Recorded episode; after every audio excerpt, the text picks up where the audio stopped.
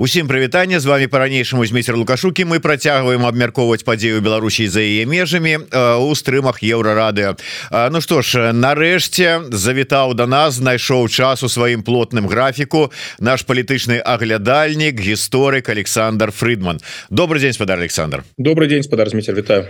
Вельмі шмат розных навінаў прыйшло як звычайна напярэдадні нашага стрыма. Ну рыхтуюцца людзі па ўсім свеце до да нашага аналітычнай программы.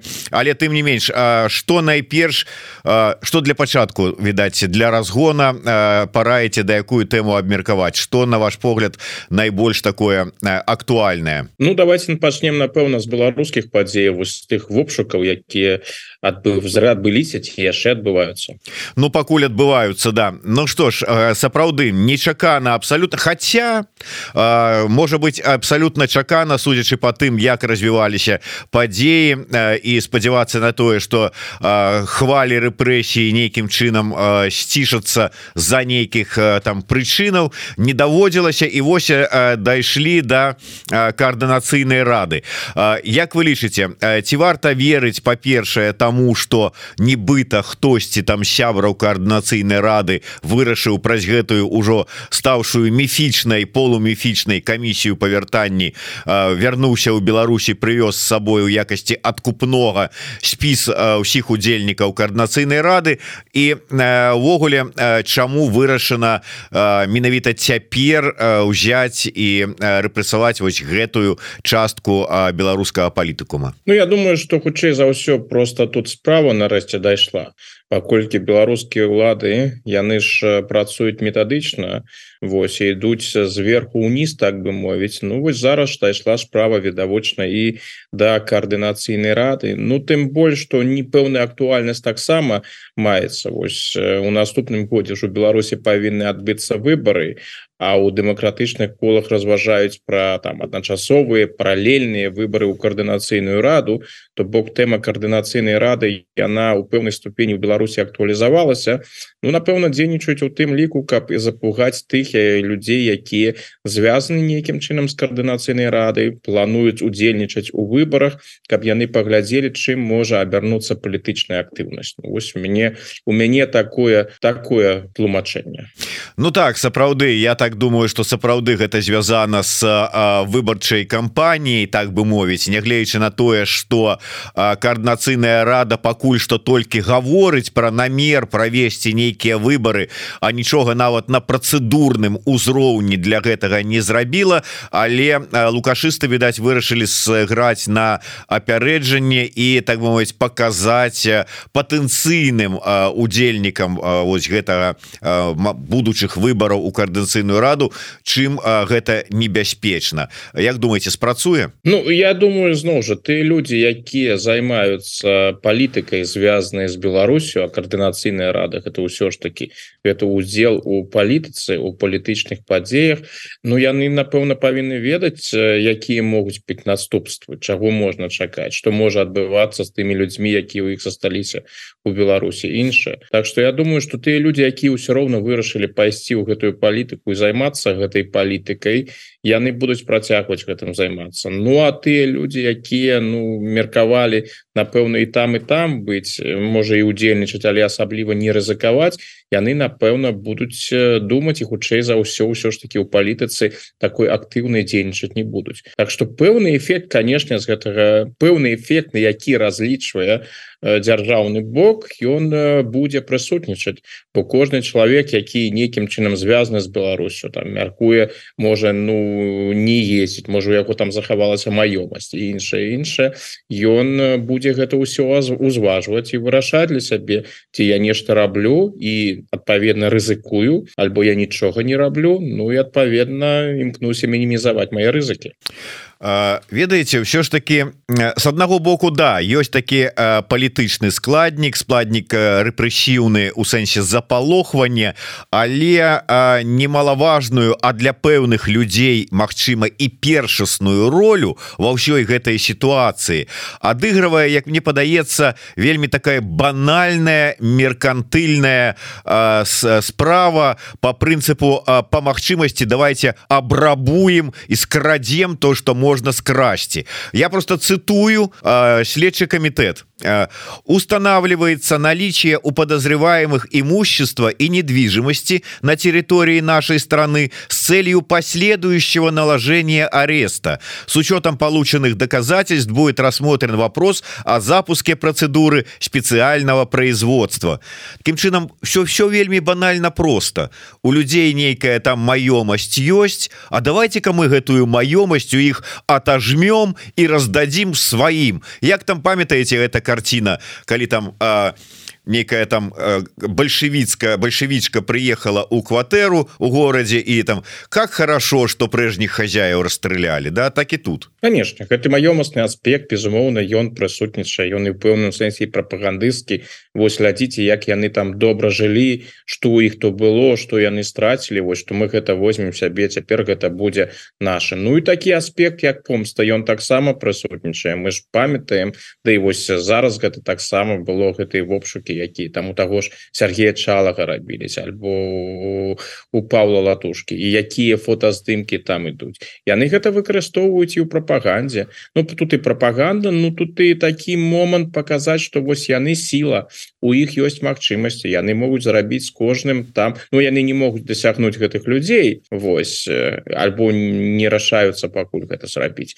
за мяжой. Але вось на тэрыторыі Беларусі ім дазволена рабіць усё что заўгодна. Можна там вайсці знайсці там сломать усё потым абвесціць что мы гэта будем у будучыні канфіскаваць усё працуе гэта такі інструмент улады. Яны показваюць тым самым імкнуцца показаць что яны моцныя ім усё дазволена Ну так вось сапраўды такі вось дзяржаўны рэкет адціснуць аджаць маёмасці у людзей якіх Ну можа быть по тваіх крытэрыях трапляюць под нейкі там пераследы гэтак далей. Потым гэтую канфіскаваную як у свой час канфіскаваныя телефоны праз крамы гэтыя реалізацыі скрадзенага под назвай канфіската продавали зараз будуць продаваць гэтыя отобраныя кватэры. І вот мне тут цікава вот як вы лічыце вот с пункту гледжання может быть нават тут гісторыка.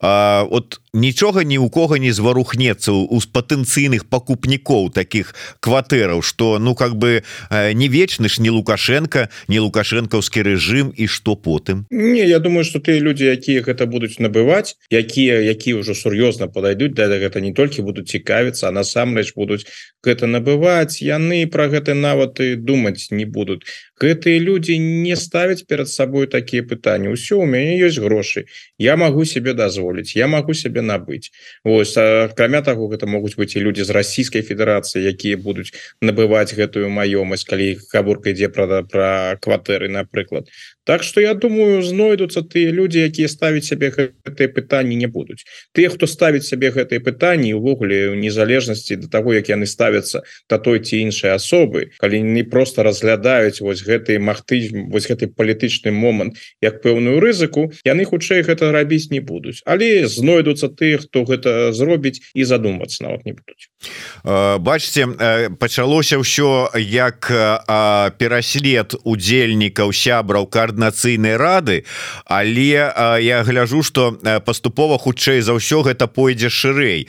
Тому что ну на сёння калі браць 8 там нібыта перадалі спіс сябраў коаардынацыйнай рады сённяшняга коаардынацыйнай рады. Але там удзельніч ўжо ў спісе ёсць той же самы Павел латушка які ў сёння сябрам коаардынацыйнай рады не з'яўляецца. Толькі што апублікавалі фото с ператрусу у кватэры Ганны Анны красуліной прэс-сакратаркі ціхановскай якая таксама сябрам коаардынацыйнай рады на сёння не з'яўляецца. Ось гэта как бы подстава просто для того каб вот такі шырокі хвалю ператрусаў с аджыма аджым отжымам маёмасці правесці. Ну я б сказал что усе гэтыя гаворки про тое что ім нехта перадаў нейкі спіс Ну гэта досыць прымітыўна ў сённяшніх у сённяшніх условиях у умовах.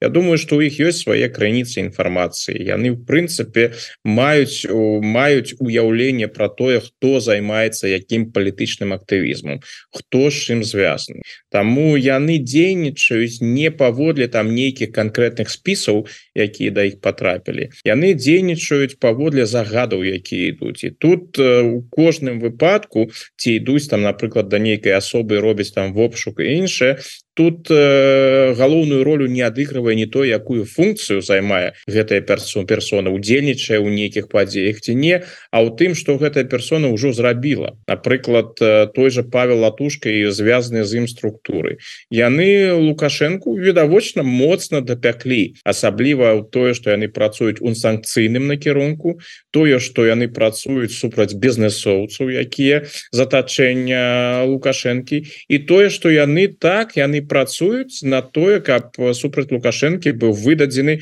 ордер міжнароднага крымінальнага суду на арышт і лукашэнкаўскіх колах это дакладна ведаюць. І ведаюць таксама яны ж адсочваюць что поспехи пэўныя ў гэтым ёсць то та інфармацыя якую перадае латушка альбо перадаў латушка что гэта інфармацыя ну яна потрапіла ўжо ў поле зроку крымінальнага суду про гэта ідуць публікацыі. І калі там ідуць з'яўляюцца гэтай публікацыі наконт того что павінен выдадзены быць гэты ордер там спасылаюцца на інфармацыю ад латушки і безумоўно лукашенко гэта не падабаецца но ну, не хочет хоча ён атрымаць ордер на арыш. Так что у гэтым сэнсе ёсць э, банальная банальная помста. У выпадку красуліны Ну гэта чалавек з бліжэйшага атачэння тихохановскай чтоб яны тут не казалі что там тихохановскай няма ўжо ніякага палітычнага ўплыву і іншае іншае іншае. Яны ўжо сваімі дзеяннямі тое что яны пераследуюць тых людзей якія ўваходзяць у бліжэйшае атачэнне тихохановскай ну про красуліну уже все ведаюць кто цікавіцца беларускай палітыкай что яна з'яўляецца прэс-сакратаром тихохановскай ужо на працягу там больш чым трох трох э, гадоў. Так что тут нічога надзвычайнага новой нейкай інфармацыі яны не атрымалі. Это можа быть банальная помста гэта можа быть банальное жаданне напужаць. Ну і банальная может быть такі момант нешта зрабіць. Вось мы не можем можем их непасрэдна дасягнуць нам не падабаецца тое что не робяць Ну вось мы атрымаем Ну і канешне гэтыя здымки якія потым ідуць там у каналах у базіка іншыя Ну там же мы ж не ведаем як там было насамрэч. Я не ведаю кого так было. Падаецца яны мне яны показывалі кватэру тое что яны называюць кватэрай э, кватэрай чалага і там ідуць там бутэлькі нейкія валяются. Так что яны ж пытаюць заімкнуцца нейкія наратывы свае прапагандысцкія тым самым умацаваць працаваць вось так так гэтага і трэба ставіцца. Не працуюць яны по нейкім вось новым спісам. Ім усё і раней было вядома просто вось яны вырашылі зараз мы гэта зробім. А Мачыма гэта і прыйшло увогуле спонтанно хтосьці там на версі побачыў ачаред з новую акцыю латушки новый выступ латушки Ну і вырашаны Ну вось давайте гэтаму латушку отпомсцім Ну і пайшлі. Дарэчы вось вы узгадалі гэтую сітуацыю з фото кватэры чалага там где сапраўды там не бутэльки там насыпана смецце. Вот конкретного смецце. І вот мяне просто цікава один момант. Вот ім не западло было гэтае смецце мяхі гэтага смецця валачы у кватэру каб там потым рассыпаць. І увогуле вось падобнае дзеянне. Гэта ну как бы тут я нават не да вас неяк да палітычнага аналітыка як да, да гісторыка просто як да чалавека. Вот як бы вы опісали пісалі чалавека калі да яго прымяніма гэта ўвогуле слова які вот на такое здольны. Это вот так узять і я не знаю там на, на зняць штаны і нагадзіць у бацінак кому-нибудь там іншаму чалавеку. Вот с такого мне падаецца ключа. Вот як як это вот что гэта что за гэтым стаіць? Там ёсць что ў галаве працуе тых людзей якія так робяць Ну давайте пачнем іерархічна ты люди якія выконваюць гэтыя загады А яны ўвогуле як мне падаецца часто свае мазгі не уключаюць Ну сказали что вось трэба прынесці раскідаць прынеслі раскідалі няма пытанняў. Той хто задаў такі загад выдаў ён павінен разумець. А гэта просто выканаўцы якія готовыя сёння не выканаўваюць э, гэтыя загады заўтра яны будуць выконваць іншыя загады. Вось таких людзей напрыклад у гэтай сістэме сапраўды хапае якіх увогуле не цікавіць что яны робяць навошта ім робяць загадна трэба зрабіць. А вось тыя люди якія так у таких у якіх такія фантазіі якім гэта патрэбна Ну гэта ўжо іншае Вось. Ім яны лічаць что вось калі яны покажуць напрыклад кватэру того чалага вось у таким у таким стане гэта падмацуе той вобраз чалага які яны ўжо распаўсюджваюць. Ну і відавочна ім не падабаецца тое что чалы робяць. Ім не падабаюцца тыя перадачы стрымы і іншае інша у іх дачалага ёсць Ну мне падаецца відавочна асабістая нянавісць. Ось калі у тебе ёсць асабістая нянавісць ты пачынаешь разважаць якім чынам ты можаш нешта зрабіць сваім ворагам Ну і вось мы бачым узровень. Тое что вось яны показваюць у гэтых кватэрах тое что яны показывалі раней падчас вопшукаў кнігі якія яны показывалі там что яны там раней что яшчэ приносілі фалаімітатары і іншае гэта показвае гэта ж не пра гаспадароў гэта про тых людзей якія гэта арганізоўваюць і вось калі мы гэта бачым мы ведаем мы можем зразумець что за люди працуюць у сістэме что ў іх галаве Ну да то есть калі яны там э, фалаімітатары нейкія подкидываюць то э, зразумела гэта э, тыя рэчы про якія яны можа быть самі мараць каб вот у дачыненні да іх былі скарыстаны. Вот такая вот але давайте вот наши гледачы как бы праводзяць такую цікавую паралель. Божых патрыот піша ці не спрыяюць гэтыя вопшыкі адваротнаму эфекту? Калі люди побачыўшы что режим успрымае гэта сур'ёзна ну маецца на вас відаць коаардынацыйную раду. Актывізуюцца. І Паўлінка дадае усё усе медыя прыцягвалі увагу да коаардынацыйнай рады. Прыйшлося далучыцца нават прокоп'еву. І ўсё роўна беларусам было нецікава. І вось сёння такі вялікі ператрус. Губазік зрабіў моцную рэкламу. Ну як это у іх атрымліваецца? Ну фактычна гэтак же як с самолетом протасевича атрымалася у іх калі ўжо все пачалі забывацца на тое что ў Беларусі адбываецца. А тут на табе самолет паса скралі і пасадзілі потым міграцыйны крызіс зладзілі на мяжы і атрымалі санкцыі все нормально. Ну как бы мне здаецца ўсё лагічна ці не і ці атрымаецца Як вы думаете? Ну как бы может быть сапраўды цікавасць беларусаў да этой структуры павялічыць Ну, ну я я нават могу уласны прыклад привесці ў гэтай сувязі я я мушу сказаць что праз недахоп сістэматычны недахоп часу я вось напрыклад сачу за дзейнасцю коаардынацыйнай рады калі увогуле вельмі так курсорную мяне ёсць сапраўды вельмі павярхоўнае уяўленне про коаардынацыйную раду і я звычайно на гэты конт таксама і не выказваюсь амаль не выказваюся бо у мяне зноў жа досыць павярхоўнае уяўленне і мне падавалася прынамсі бачыце что сур'ёзнай ролі коаардынацыйная рада не адыгрывае Ну вось зараз мы гледзячы на гэтыя рэакцыі что і ну калі такія вопшукі ідуць гэта ж намаганні прыкладзены адпаведныя. Ну мяне будзе подстава там больш уласна кажучы большую цікавасць праявіць для коаардынацыйнай рады больш прачытаць больш сачыць за яе дзейнасцю. Гэта такі момант. Ну а что тычыцца тых людзей якім ізноў жа бяспечна якія знаходзяцца ў бяспецы і у якіх рызык рызыкі скажем так абмежаваныя якія для сябе могуць уявіць удзел у палітыцы Ну можа і сярод іх і павысяцца увага да коаардынацыйнай рады. Ну і канешне пэўную рэкламу калі мы можем так называть канешне яны коаардынацыйнай радзе зрабілі сёння тыя людзі якія читаюць тыя ж прапагандысцкія каналы і можа ўжо даўно забыліся про про коаардынацыйную раду я маю на увазе той же лукашэнкаўскі электарат тыя людзі якія не прымусова гэта чытаюць а з адчытаюць таму что яны сапраўды э, на таких э, поглядах таких поглядаў прытрымліваюцца Ну сапраўды сёння яны падшунули пачулі про коаардынацыйную раду будуць больш цікавіцца коаардынацыйнай рады Так что у гэтым сэнсе конечно гэта реклама Ну а калі казаць про выборы лукашэнкаўскія гэта актывізацыя якая зараз ідзе па ўсіх каналах пачынаючы ад прапаганды якая уже там адмысловыя праграмы да тэмы выбораў здымае рассказываючы про тое что на мяккі электа электарат тэрмін та які ўжо прыдумалі яны павінны там уплываць і шукаць свае до некія. Хаця з іншага боку калі казаць про тое что хопіць ужо тут гуляцца ў дэмакратыю кажучы про выборы Ну то что ўжо казаць? Ну увогуле як вы ацэньваеце падрыхтоўку рэжыма да вот той кампаніі якую яны чамусьці працягваюць набыва на называть выборы і да якая чамусьці працягваюць ёй займацца. Ну хотя у паўночнай Кареі займаюцца так чаму ж лукашыстам не праводзіць Ну паўночнай Кареі яны да, да досыць паспяхова займаюцца у іх яны атрымліваюць усё без асаблівага прымусу. Яны дасягнули таго ўзроўня. Ну у Савецкім Саюзе дарэчы было прыкладна таксама калі люди аўтаматычна самі прыходзілі і рабілі тое что от іх чакалі.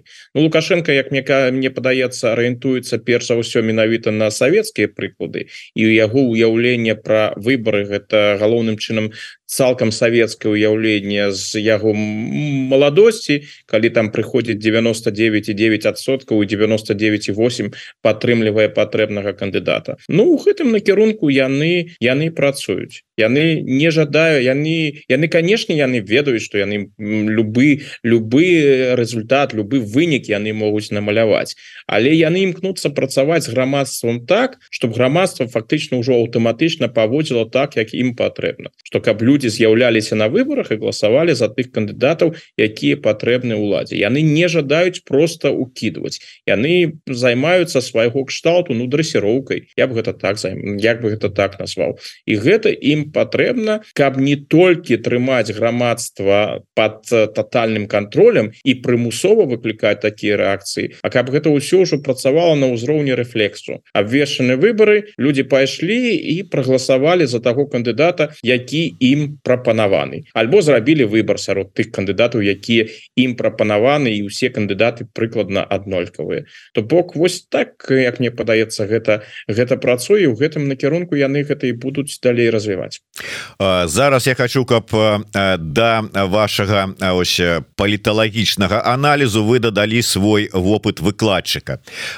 Тэма-то тэма звязаная у тым ліку с адукацыяй і ўвогуле выхаваннем пачнем можа быть с выхавання прайшла інфармацыя про тое что там былі ўжо створаныя ў Беларусі не памятаю дакладна ці то 42 ці то 52 нейкіх там военно-патрыятычных клуба класа ці что там нейкіх установы займацца патрыятычнай і вайсковае выхаванне і потым будуць мець гэтыя удзельнікі гэтых вось клубаў адмысловыя прэферэнцыі змогуць у кадэцкія гэтыя вучэльні сувораўскія паступаць без испытаў на навошта гэта робіцца? Тым больше да яны не, не збіраюцца спыняцца. І вот думаць калі з пункту гледжання лукашэнкі? Вот э, ну я разумею калі ён зараз э, змагаецца знішчае тых хто можа зараз на выборах там нейкае учудзіць супраць яго. А гэтые пакуль прыйдзе час гэтым дзецям э, галасаваць лукашэнкі ўжо э, не будзе. Спадзяюся что і памяць про яго ўжо знікне толькі будуць нейкія там эксперты палітолагі спрачацца про тое які колькі шкоды ён Беларусі нанёс. Навошта вось гэтыя военно-патрыятычныя установы лазіць Ну тут же гаворка не толькі про лукашенко але про лукашенко але про яго вот атачэнне яны ж усё ж таки не жадаюць сыходзіць разам з ім ты ён пакуль невідавочна что збіраецца сыходзіць таму яны глядзяць у будучыню яны імкнуцца вось ужо выхаваць самага маленства з дапамогай розных інструментаў з дапамогай вось таких вось гурткоў военно-патрыятычнае выхаванне. Потым гэтая тэма геноциду беларускага народу якая ўжо пачынаецца там ужо ў першым класе у школе. Яны будуць імкнуцца з дапамогай гэтых тэмаў выхаваць людзей якія доўгатэрмінова будуць падтрымліваць і прасоўваць вось той палітычны курс які быў абраны абраны лукашенко Ну а что тычыцца курсу на мілітарызацыю то тут нічога дзіўнага няма. Краіна якая абвяшчае сябе краінай з ядернай зброі як яны гэта падкрэсліваюць что іх ёсць ядерная зброя яны калі што могуць і нават калі будуць нейкія пагрозы яны яе прыменяць акрамя того трэба рыхтавацца да обороны бо вакол ворагі увесь гэты мілітарыстычны дыскурс ён жа ён жа прысутнічае. Так что тое что мы бачым гэта дапаўненне. Яны сыходзяць відавочна з таго что канфлікты вакол Беларусі будуць працягвацца і будуць яшчэ пэўныя пэўны можа можа гэта ўвогуле будзе тэрмінова і адпаведным чынам неабходна працаваць з грамадствам. І вось таким мілітарызаваным грамадствам падпарадкаваным грамадствам. Грамадствам дзе ёсць вось такія актывісты якія прайшлі праз гэтыя гурткі і з'яўляюцца свайго кшталту актывам рэжыма. Такие такое грамадства кантраляваць і такое грамадства маніпуляваць таким грамадством лягчэй. Так что вось на гэта яны і робяць стаўку. А ну да там же як это было сказано не все плохое э, связано с Адольфом гитлером да? И так вот и гитлер юген тоже как бы это ж э, может быть не зусім то дрэнное что звязано было с гитлером. Ну, можно полторыть Ну что ты что тычыцца гитлера так так та той же тезе что не ўсё там было что тоже так дрэнна сёння ж гэта можно пачуць у розных месцах месцах Европы. Но мне кажется что у лукашэнкаўскі бок гэта ўсё ж таки не про гитлера. Гэта гэта савецкія тыповыя рэчы тут трэба просто разумець что лукашенко ўжо дасягнуў таго ўзроўня ну фізічна дасягнуў такого ўзросту что чалавек фактычна займаецца у пэўнай ступені аналізам свайго жыцця усім тым добрым что было добрым прыгожым тое что ему падабалася.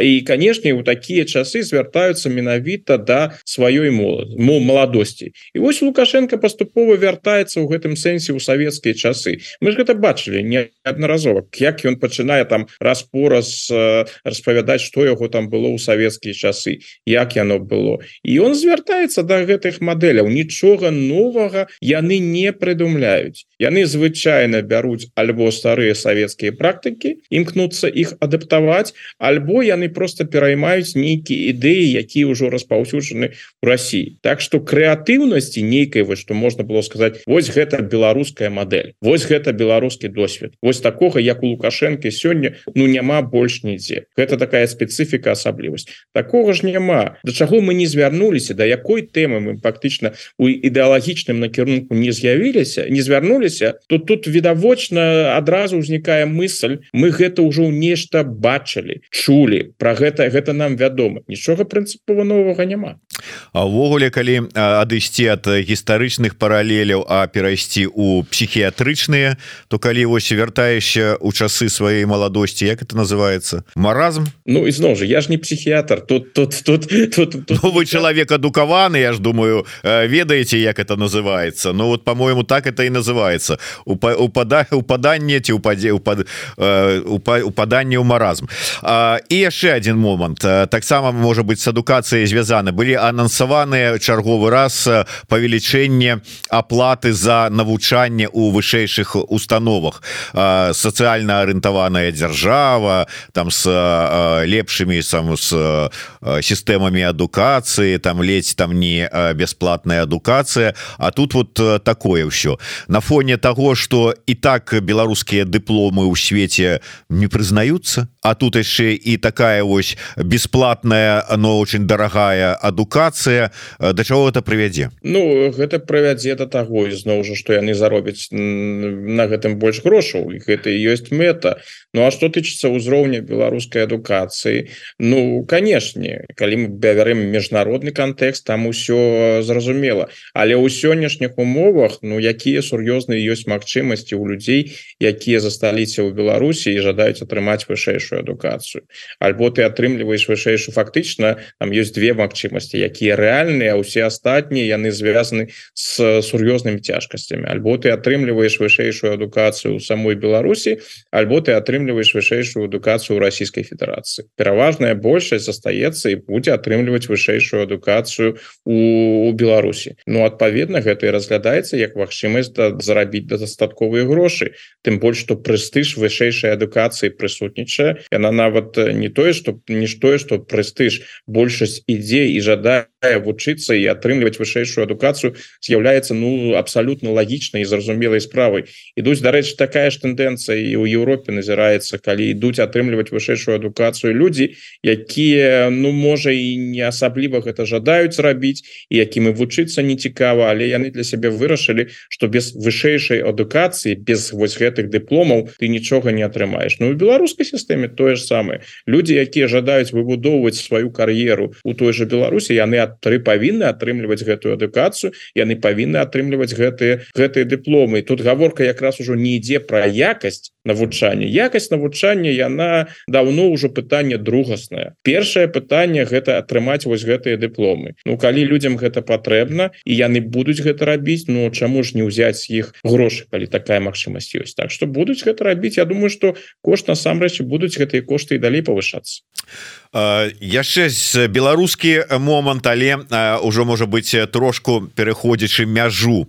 У дадзеным выпадку беларуска-літоўскую мяжу учора здаецца была інфармацыя ад прадстаўніка дэпартамента дзяржаўнай бяспекі літвы про тое что вось по іх інфармацыі вельмі актывізаваўся беларускі гэбісты КДБ бела Беларусі. І у сувязі з гэтым у іх ёсць пытанні да пэўнай часткі беларускай дыаспары ў літве што маўляў яны тым ці іншым чынам але звязаныя с са спецслужбай лукашэнкаўскай і вось сёння міністр з унутраных справаў літвы агне белатайта узноўку узняла пытанне пра аднолькавых санкцыях у дачыненні да расіян і беларусаў. Маўляў што вось гэтая інфармацыя ад кіраўніка дэпартамента дзяржаўнай бяспекі дае подставы для того каб ізноў вярнуцца до да гэтай тэмы.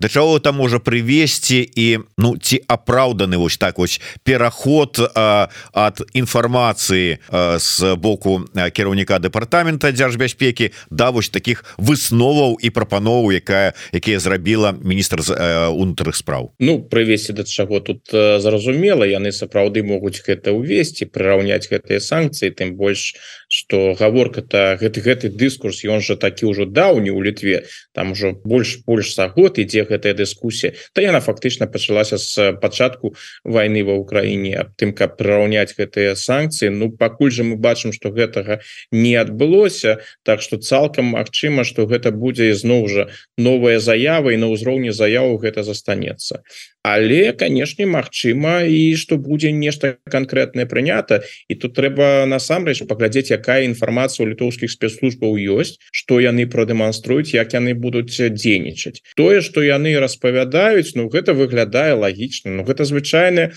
праца спецслужбаў. Ну як яно могло быць інакш паколькі адносіны толькі пагаршаюцца. Война ва Украіне працягваецца. Вось что в таких умовах беларускія демократычныя сілы працягваюць дзейнічаць дзейнічаць у літве что ў таких умовах не будзе актыўнасці беларускіх спецслужбаў у літве Ну конечно гэтай актыўнасць ёсць это гэта ж іх э, фактычна праца. Что будзе далей? Ну думаю літоўскі адпаведныя літоўскія органы пільна сочыць за гэтымі тэндэнцыямі. І калі сапраўды будзе нешта такое ну сур'ёзнае будзе мець пэўную палітычную вагу то прапанова міністра унутраных справаў можа быть реалізавана Ну тут трэба трэба пачакаць что яны там покажуць якія там будуць конкретныя конкретныя гісторыі Я захожу з таго что яны ўсё уважліва адсочваюць прычым там адсочваецца ўсё на розных узроўнях гэта адрознае гэта адсочваецца на ўзроўні літоўскіх літоўскіх спецслужбаў. Ёсць обмен інфармацыі сярод краінаў НАТО ёсць обмен інфармацыі сярод краінаў еўразвяза не трэба забывацца про тое что у літве ўжо досыць моцная групіроўка НАТО прысутнічае з нямецкімі вайскоўцамі. Так што і там ёсць пэўная інфармацыя. Так што яны уважліва сочаць будуць будуць рабіць высновы. Ну і думаю что праз прэсу і праз афіцыйныя заявы нам таксама паведаміць про тое что там конкретно адбываецца. Узгадали Украіну. Давайте да войн вайсковых тэмаў але с палітыкай безумоўна с ракурсам все ж таки на Беларусь. Война ва Украіне война в Ізраілі. Дакладней ты этапы на якіх сёння яны знаходзяцца. Чаго чакаць далей незразумела. С аднаго боку зараз працягнут працягнуты рэжым спынення баявых дзеянняў на два дні як мінімум в Ізраілі. Что будзе па, па сканчэнні гэтых двух дзён? Ну пакуль цяжка сказаць ці яшчэ працягнуць ці адновяцца баявыя дзеянні. Зіма уносіць свае конечно карэктывы і ўвядзенне баявых дзеянняў ва ўкраіне і шмат розных ужо аналізаў что будзе далей. Ёсць і ў замежных сме замежных экспертаў і вашу таксама такія спробы аналіза вайсковага спробу вас вас сябе у якасці вайсковага аналітыка мы таксама ужо адсачылі у вашем телеграм-канале. Дарэчы раю усім подписываться на телеграм-канал спадара Александра Фридмана. Не забываючыся подписываться на YouTube каналы еўрарадыо але с абавязковая умова для тымі для кого гэта бяспечна. Так вось развіццё падзеяў якім чынам было б выгодна для лукашэнкі і лукашэнкаўскага режима Ну ізноў жа я галоўным чынам все ж таки не вайсковы аналітык это все ж таки палітычны бок галоўным чынам тое что я э, імкнуся прааналізаваць. Пачнем напэўна з таго у якім стане знаходзяцца гэтыя две войны Ну і таксама прыйдзем да да лукашэнкі. Ну пачнем с Ізраіля мне пытаецца там усё ж таки больш простае становішча для аналізу больш простае становішча. Зараз трывае гэтае перамір'е безумоўна ўсё залежыць ад хамаса. Хамаса ёсць яшчэ пэўныя магчымасці перадаваць закладнікаў і далей яны ёсць. Калі хамас і надалей будзе перадаваць закладнікаў тады яна відавочна будзе працягвацца бо ізраильскі бок подкрэсліў што ён на гэта згодны по той же формуле. Калі хамас не будзе перадаваць закладнікаў або ў поўны момант яны у яго просто наўпрос скончацца тады ізраильская армія будзе працягваць сваю военную аперацыю. У гэтым у мяне няма ніякага сумнення что калі не будзе нейкіх форс-мажораў военная аперацыя працягнецца. Пытанне хутчэй у тым як яна будзе праводзіцца тое что зараз бачна заяву з афіцыйных заяваў из-за из публікацыі прэсы амерыканскі бок хутчэй настойвае над тым каб ізраильцяне дзейнічалі бось больш асцярожна Ну і не так радыкальна асабліва калі зараз будуць дзейнічаць на ў паўднёвай часткі сектару. Калі ішла справа на поўначы сектару люди маглі сысці з поўначы на поўдзень. Зараз калі ўсё прасунецца на паўднёвы бок ізраильскі ізраильскі міністр Міністр обороны подкрэслаў что яны будуць гэта працягваць рабіць так ша таксама як і нарабілі на поўначы узнікае пытанне что далей будзе з палестынскімі уцікачамі жыхарамі сектора. Ці дазволіць ім пайсці на поўнач альбо не дазволіць гэта ўсё вельмі цяжкае пытанне Так что гаворка тут ідзе пра модус працягу аперацыі але не про тое ці будзе яна працягнута у тым что ізраильсяне яе будуць працягваць до да канчаткового поспеху да знішэння хамасу у мяне пока тут э, пытанняў не ўзнікае такая. Что тычыцца Украины то конечно зараз пагодныя умовы надвор'я яны унеслі свои карэктывы відавочна что напрыканцы году расійскі бок жадае атрымаць поспехи жадае атрымаць сімвалічныя поспехи каб гэты год не застаўся для абодвух бакоў годам без сур'ёзных э, перамог Таму яны зараз і спрабуюць прасунуцца і ў раёне купянска і асабліва ў раёне аўдзеўкі і канешне там сітуацыя і гэта кажуць усе военные эксперты для украінскага боку вельмі вельмі складаная пакуль гаворка не хутчэй не ідзе ўжо пра нейкае там украінскае прасоўванне гаворка ідзе про тое каб захаваць свае пазіцыі. Ну і канешне палітычнае становішча яно таксама для Украіны неспрыяльная неспрыяльная праз канфлікты якія там відавочныя адбываюцца унутры украінскага палітычнага кіраўніцтва і канфлікта паміж палітычным кіраўніцтвам і военным кіраўніцтвам. Гэта самае дрэннае што можна сябе увогуле уявіць у сённяшніх умовах. Акрамя таго фокус канешне змешчаны міжнародны фокус по-ранейшаму змешчаны на падзеі ў Ізраілі Ну і трэцяе гэта вельмі дрэнна конечно для Украіны тое что пакуль вось жаданне дапамагаць яно конечно прысутнічае яны і надалей будуць дапамагаць і амерыканцы і еўра еўрапейцы але па меры дапамогі яны канешне асабліва они абсолютно не задавальняючыя Украіна атрымлівае столькі як это напісаў амерыканскі часопіс ньюсвік трапна яны гэта пазна пазначылі атрымлівае дастаткова каб у цэлым захаваць лінію фронта але нейкіх магчымасцяў для прасоўвання ну на дадзены на дадзены момант на дадзены момант няма. Таму і перспектыва яна незразумелая. Нават ёсць зараз у Еўропе ўжо аналітыкі скептыкі якія кажуць што калі не будзе якасна новой дапамогі Украіны то Украіну могуць чакаць у бліжэйшы час вельмі сур'ёзныя цяжкасці на на фронте Ну спадзяемся что ўсё ж таки дапамога будзе і яшчэ раз нават можна спадзявацца что дапамога будзе ў патрэбным памеры але ізноў жа пакуль сітуацыя пакуль сітуацыя неспрыяльна цяпер что тычыцца лукашэнкі. Як мне вось падаецца я уважліва сачу за выказваннямі і самога лукашэнкі і іншых дзяржаўных асобаў Беларусі і за прапагандай. Выглядае для мяне таким чынам что лукашенко для сённяшняй сітуацыі войны прызвычаіўся у пачатку войны яшчэ падчас украінскага наступу яму было важно подкрэсліваць что Беларусь у войне не удзельнічае і не будзе удзельнічаць у войне яму было важно что украінскі наступ не дасягне сваіх мэтаў ён займаўся нават военным аналізам іншы. А вось апошнім часам там недзе месяц тому два месяцы ну, месяц напэўна гэтая тэма яна поступова у лукашэнкі знікла. Нават яго прамова у на саміце АДКБ ну там Украіна украінская тэма прысутнічала вельмі вельмі фрагментарна курсорна. Як мне падаецца гэта сведчыць про тое что лукашенко до новага становішча прызвычаіўся. Ён не бачыць для сябе зараз небяспекі у тым что Беларусь можа быть уцягнута войну яго б вы відавочна не прымушаюць пасылаць беларускую армію на фронт. Беларуская тэрыторыя не выкарыстоўваецца для ударов по Украіне. Адначасова паколькі гэта сапраўды адзіны саюзнік России России от России ён атрымлівае атрымлівае ўсё что яму патрэбна. І гэтая падтрымка яна прысутнічае. Вось что тычыцца заходніх санкцыяў там нічога новага асабліва няма.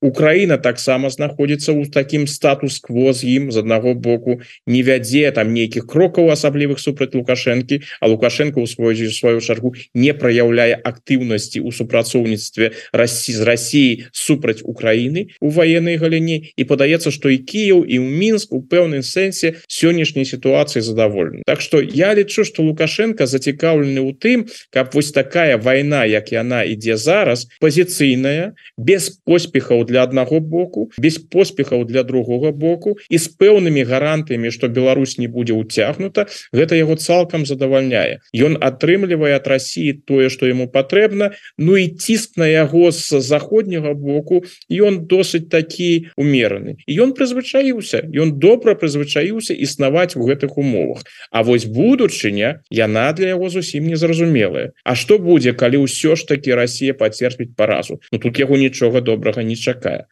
А что будзе калі Россия пераможа? Калі Россия ўсё ж таки дасягне сваіх мэтаў і ён як саюзнік страціць такую вагу для России что россияне ў гэтым выпадку будуць рабіць? Яны і так імкнуцца на яго ціснуць і поставить Беларусь под свой уплыў. А ў будучыні калі у іх будуць развязаны руки калі у іх дарэчы Ну калі яны просто хопіць у іх часу займацца і Беларусю актыўна і не толькі канцэнтравацца на Украіне Ну тут і лукашенко нічога добрага не чакае у гэтым выпадку. Ну і ладно лукашенко галоўным чынам Беларусь нічога добрага не чакае. Так что думаю ён хутчэй зацікаўлены на дадзены момант у тым каб сітуацыя на сённяшнім узроўні заставалася і прынцыпова не змянялася.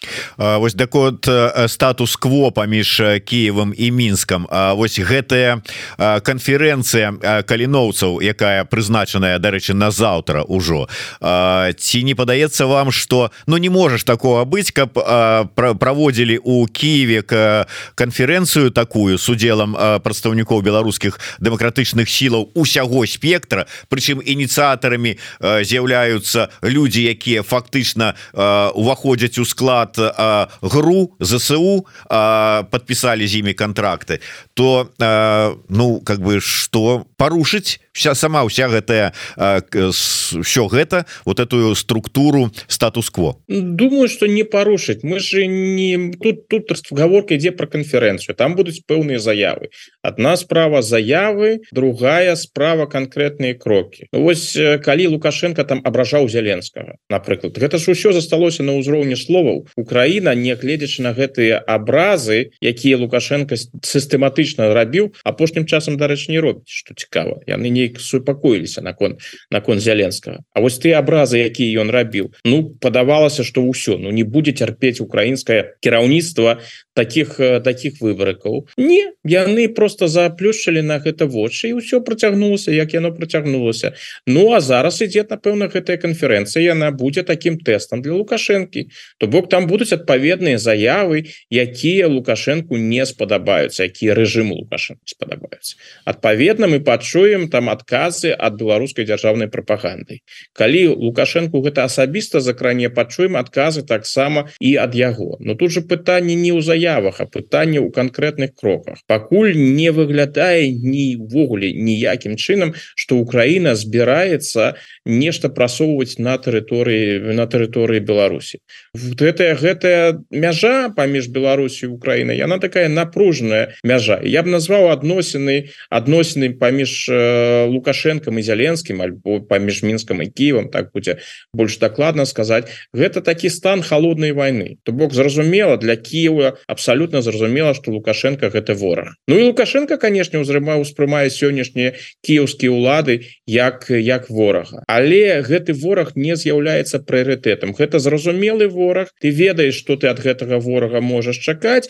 І у цябе з гэтым ворагам ну на дадзены момант такі пэўны статус по у цябе кампраміс ён цябе асабліва не чапае ты яго не чапаеш Я не думаю что канферэнцыя нейкім радыкальным чынам гэта зменіць. Гэта такі вельмі ну такі ён ён баланс ён прысутнічае. Ён канешне такі не моцны зусім не моцны ён можа разбурыцца у любы момант но пакуль гэта трывае.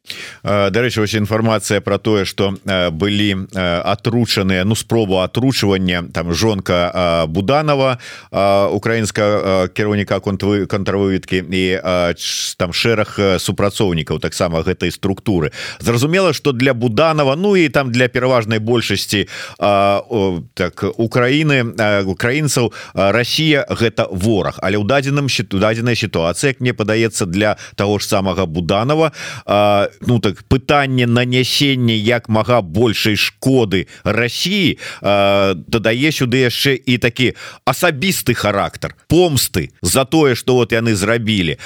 Як вы думаете ўсё ж таки таки будуць пераступлены нейкія можа быть межы якія раней перад сабой ставілі вось пэўныя там может быть кіраўнікі украінскія что маўляў Ну вот захад же сказаў там может быть таких-то удараў не наносіць вот такого таких дзеянняў пазбягаць то зараз пасля гэтага я скажуць ведаеце что мы уже не можем стрымацца это с аднаго боку. А з другого боку все ж таки жонка такога вайскоўца як буданаў яна ўсё ж таки под асабліва Я думаю аховай знаходзілася. І калі дабраліся да яе і відаволь вядома хто гэта дабраўся адкуль гэтыя рэчывы шкодныя прыйшлі то как бы можа быть і сігналам для лукашэнкі таксама что можна дайсці-то. Ну я пачну сігнала. Сігнал конечно ён ён как бы для для украінскага боку ён зусім дрэнны.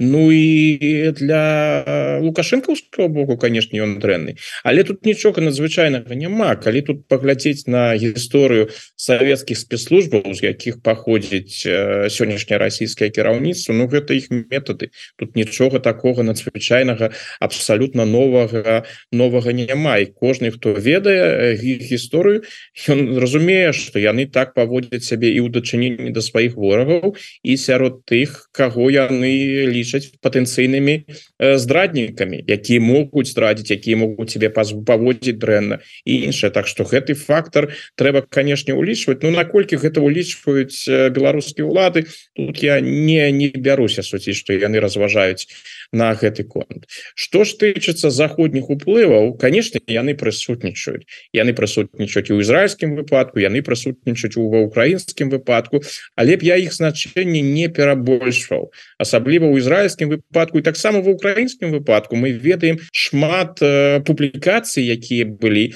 дзе ўсё вось э, подкрэсліваецца ссылкой на рознага кшталту інсайт слайды что у амерыканцаў нягледзячы на іх сапраўды велізарныя магчымасці іх магутнасць ну, не ўсё іх атрымліваецца. Ну не працуе гэта таким чынам что вось яны сказали там ізраильцянам вы рабіце калі ласка гэта а вы украінца рабіце гэта яны могуць рабіць свае прапановы та іх могуць прыслухоўвацца альбо не прыслухоўвацца. Тое что мы ведаем на сённяшні момант ізраильцяне асваюцца Ну Украіна відавочна праслухоўваецца да амерыканцаў больш бо там непараўнальная ступень незалежнасці ад злучаных штатаў і ад іх падтрымки але ізноў жа самастойнасць яна ёсць гэта не марыянеткі у іх а яны прыслухоўваюцца до того что там кажуць амерыканцы а робіць тое что лічыць лічаць патрэбным мы ж ведаем колькі было ўжо акцыя Украіны на тэрыторыі Российской Федерации. І мы ведаем что амерыканцы гэта ўсё афіцыйна асуджалі і неафіцыйна таксама асуджалі яны гэтага баяцца Украіна гэта як рабіла так і робіць. Зразумела украінца зразумела амерыканцам не падабаюцца такія заявы як ад зяленскага уже не памятаю кому гэта ён даваў інтэрв'ю что Украіна мае право забіць забіць Путина. Вось я думаю что калі б такая магчымасць была б украінскі Бог это зрабіў іншае пытанне что яны робяць тое что у іх магчымасцях першае і что атрымліваецца рабіць Так что я думаю что тут яны асабліва не не заўважаюць увагу на тое что там кажуць амерыканцы Ну а у буданова яшчэ один ёсць дадатковы дадатковы повод каб э, рабіць сваю працу. Яшчэ лепш но я думаю что яму такому человеку як Кирилл буданов яму дадатковыя матывацыі без гэтага не патрэб думаю что нейкі украінскі адказ на гэта ён ён будзе. Хотя безумоўно расійскі бок абвесціць что яны нікога не імкнуліся атручваць что гэта ўсё выдумки украінскай прапаганды Ну безумоўно да. Там самі нешта не тое з'елі яшчэ один момант еўрапейскі хотелось б з вами закрануть гэта вынікі недаўніх выбораў у нідерландах такі крайні правы як кажуць прыйшоў да ўлады папулісты гэтак далей там ужо тэрмінамі не будзем кідацца. Тым не менш усё ж таки даволі адыёзны палітык.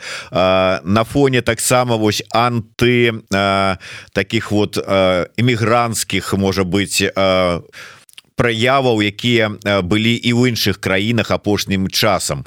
Пра што это сведчыць? Якія можа быть может быть змены палітычнага ландшафта гэтыя ўсе апошнія падзеі нам прадракаюць Ну тут трэба яшчэ просто падкрэсліць что ўсё ж таки герт вилдерс яго партыя партыя свабоды яна перамагла на выборах але да ўлады ён не прыйшоў і хутчэй за ўсё не прыйдзе у яго складана вельмі складана Ну амаль немагчыма будзе яму сфармаваць коаліцыю і ён напэўна гэта таксама ўжо разумее бо партыя сапраўды на выборах перамагла і досыць моцныя пазіцыі но каліцы з кааліцыйнымі партнёрамі будзе вельмі цяжка бо гэта права радыкальная партия партыя экстрэміская партыя партыя якая ад, адкрыта займаецца дыскрымінацыяй у адносінах да мусульманаў конечно у іх вельмі моцны антыміграцыйны чыннік яны выступаюць за выхад нідерландаў з еўразвязана вот жадаюць правесці рэферэндум по гэтаму пытанню гэта что тычыцца вось гэтых патрабаванняў то тут яны ізаляваны яны не найдуць кааліцыйных партнёраў з такими з такими патрабаваннями но тое что гэтая партыя перамагла на выборах тое что мільёны грамадзян нідерландаў аддалі галасы к этой партыі гэта сведчыць про э, пэўныя палітычныя зрухи зараз для правых папулістаў і для правых экстрэмістаў такія вельмі добрыя часы у Еўропе. Эканамічная сітуацыя пагаршаецца агульная незадаволенасць расце пытанне міграцыі застаецца.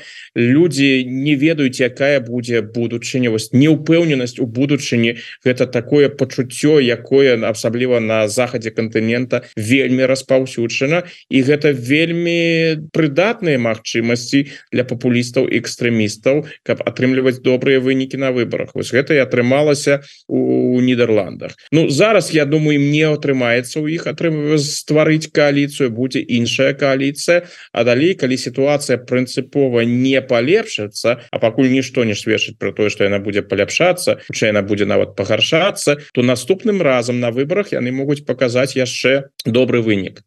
Но пытанне нідерландаў яно вельмі важное у, украінскім кантэксце. Важное тому что вилдерс это выразна прорасійскі палітык. Он шмат разоў даваў і раней інтэрв'ю расійскім медыям.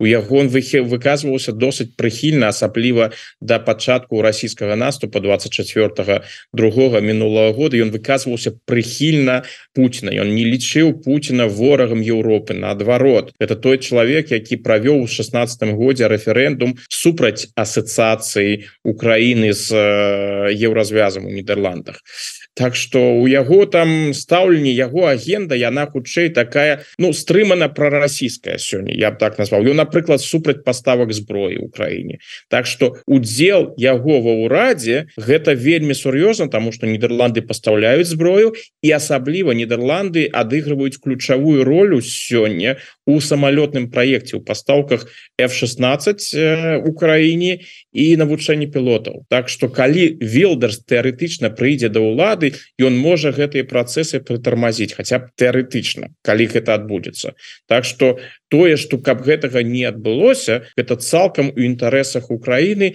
Пакуль гэта такі непрыемны момант конечно что такая партыя перамагае але з другога боку да ўлады яна хутчэй за ўсё не прыйдзе А гэта значыць что хутчэй за ўсё гэта самалётны проект будзе рэалізаваны так як і планавалася. На заканчэнне яшчэ коротко можа быть хацелася б закрануть одну тэму. Гэта няспынныя антыізраильскія пратэсты там ці выступы мітынги якія ідуць шмат дзе ў якіх краінах здавалася б адукаваных краінах якія дзе людзі маюць доступ да інфармацыі і нібыта могуць розную інфармацыю спажываць і параўноўваць. Калі там такими спікерамі правадырамі гэтых вось антыізраильскіх пратэстаў дзе пачынаюць з'яўляцца такія людзі як тая ж самая актывістка Грета Тумберг і вот мне одно пытанне там же ж вот как бы там мусульман оборона вот все это вот вот гэтага свету гэтых вот людзей. Я спрабую прыгадаць. Памятаеце ёсць такі народ мусульманскі уйгуры які жыве ў Китаі які э, жыве у створаным кітайскімі уладамі канцлагеры людзей вынішчаюць по рэлігійным і этнічным прынцыпе прыкметах вы прыгадайце хоць одну акцыю у абарону падтрымку уйгураў дзе-нибудь там Грета тумберг вот это вот вы выступала у іх абарону ці ўсе гэтыя разумнікі з кембриджаў і уэльсаў Ну акцыі сапраўды у падтрымку уйгураў яны адбываюцца але гэта так сапраўды ну рэдкасць іх іх іх няшмат А что вось тычыцца вось той з акадэмічнай эліты якую вы узгадалі альбо актывістак кшталту Грэты тунберг Ну ян іх гэтая тэма не цікавіць яны зафіксаваны больш на тэме Ізраіля ім куды больш падабаецца крытыкаваць Ізраиль і нападаць на Ізраиль по ізноў жа Ну гэта і прагматычны падыход калі ты сёння напрыклад крытыкуеш э, Ізраиль жорстка крытыкуеш Ізраиль Ну цябе за гэта нічога не будзе Ну у тым сэнсе тебе ты не сутыкнешься з нейкім гвалтам пратэстамі супраць цябе. І іншае тому что Ізраиль это дэмакратычная краіна і крытыкаваць Ізраиль гэта ўжо ў Еўропе стала такого такого роду прыкметай добрага тону. Іншая справа калі ты пачынаешь крытыкаваць такія краіны как як Россию или или напрыклад Китай Ну ізноў жа крытыкаваць Россию гэта фактычна по-ранейшаму еўрапейскі мейнстрим тут нічога надзвычайнага няма. Что тычыцца крытыкі Китая то тут ужо еўрапейскія палітыкі паводзяць сябе вельмі стрымана бо Китай гэта вельмі сур'ёзная у эканамічным сэнсе краіна і там калі пачне жорстка крытыкаваць Китай можа быть адпаведны адказ. Калі ты пачнеш жорстка крытыкаваць Турцию таксама будзе палітычны адказ і ты можа сутыкнуцца у розных заходнееўрапейскіх краінах з фанатычнымі прыхільнікамі эрдагана і тут таксама можна сутыкнуцца з гвалтам і іншымі і іншымі праблемамі. Так что крытыкаваць Ізраиль это напэўна самая простая рэч тым больш что тыя люди якія гэтым займаюцца яны вельмі фрагментарна знаёмыя с становішчам на блізкім усходзе яны знаходзяцца под уплывам адпаведных прапагандысцкіх наратываў яны свае уласныя погляды посткаланіяльныя некаланіяльныя іншыя ідэалагічныя пераносяць на ізраильскую глебу. Ну і у выніку атрымліваецца тое что атрымліваецца Ну выпадку Грэты Тунберг ёсць і свая асаблівасць. Справа у тым что яна ж гэтага не хавае. Она сама про гэта шмат разоў казала. У яе ёсць асаблівасці з аўтыст аўтысты аўтыстычнага спектру. І людзі з гэтымі асаблівасцямі яны э, часто зафіксаваныя на пэўных тэмах. Вось у Грэты Тунберг таких тэмаў відавочна дзве. Першая гэта тэма кліматычная якую яна займалася пераважным чынам. Ну зараз яна відавочна знаходзіцца под уплывам людзей з яе атачэння і напэўна таксама под уплывам того что яна назірае у сектары газу тому яна шчыльна перайшла на ізраильскую тэму. Вот что цікава было на мінулым тыдні калі не памыляюся была дэманстрацыя у стахольме звычайна яна ж удзельнічае толькі ў дэманстрацыях на экалагічную тэматыку. А зараз была про палестынская дэманстрацыя с пратэстамі каля ізраильской амбасады. Вось яна удзельнічала ў гэтай дэманстрацыі якая з кліматам нічога супольнага не мае там выкрыкивала там смерти Ізраилю ці нешта ў такім вось накірунку альбо знішчыць Ізраиль Так что выглядае так что яна просто перайшла на гэтую тэму і будзе і будзе е надалей прасоўваць Дякую вялікім На жаль трэба завяршаць ужо Хаця заўсёды цікава гаварыць і не ўсё паспяваем нават а, узняць усе тэмы абгаварыць прааналізаваць тым не менш яшчэ раз кому гэта бяспечна подписывайтеся на телеграм-канал Александра Фридмана Ну правда ён яшчэ экстрэміскім не прызнаны Так что у любым выпадку можна подписываться але ўсё ж таки с перасцярогай тому что невядома чаго чакаць ад тых аматараў цягаць у кватэру чара чалага мяхі са смеццем. Ну і тым хто конкретно кому это бяспечна не забывайте подписываться на YouTube канал еврорад рады А я развітваюся са спадаром Александром Фридманом до наступнага разу. Жыве Беларусь. Жыве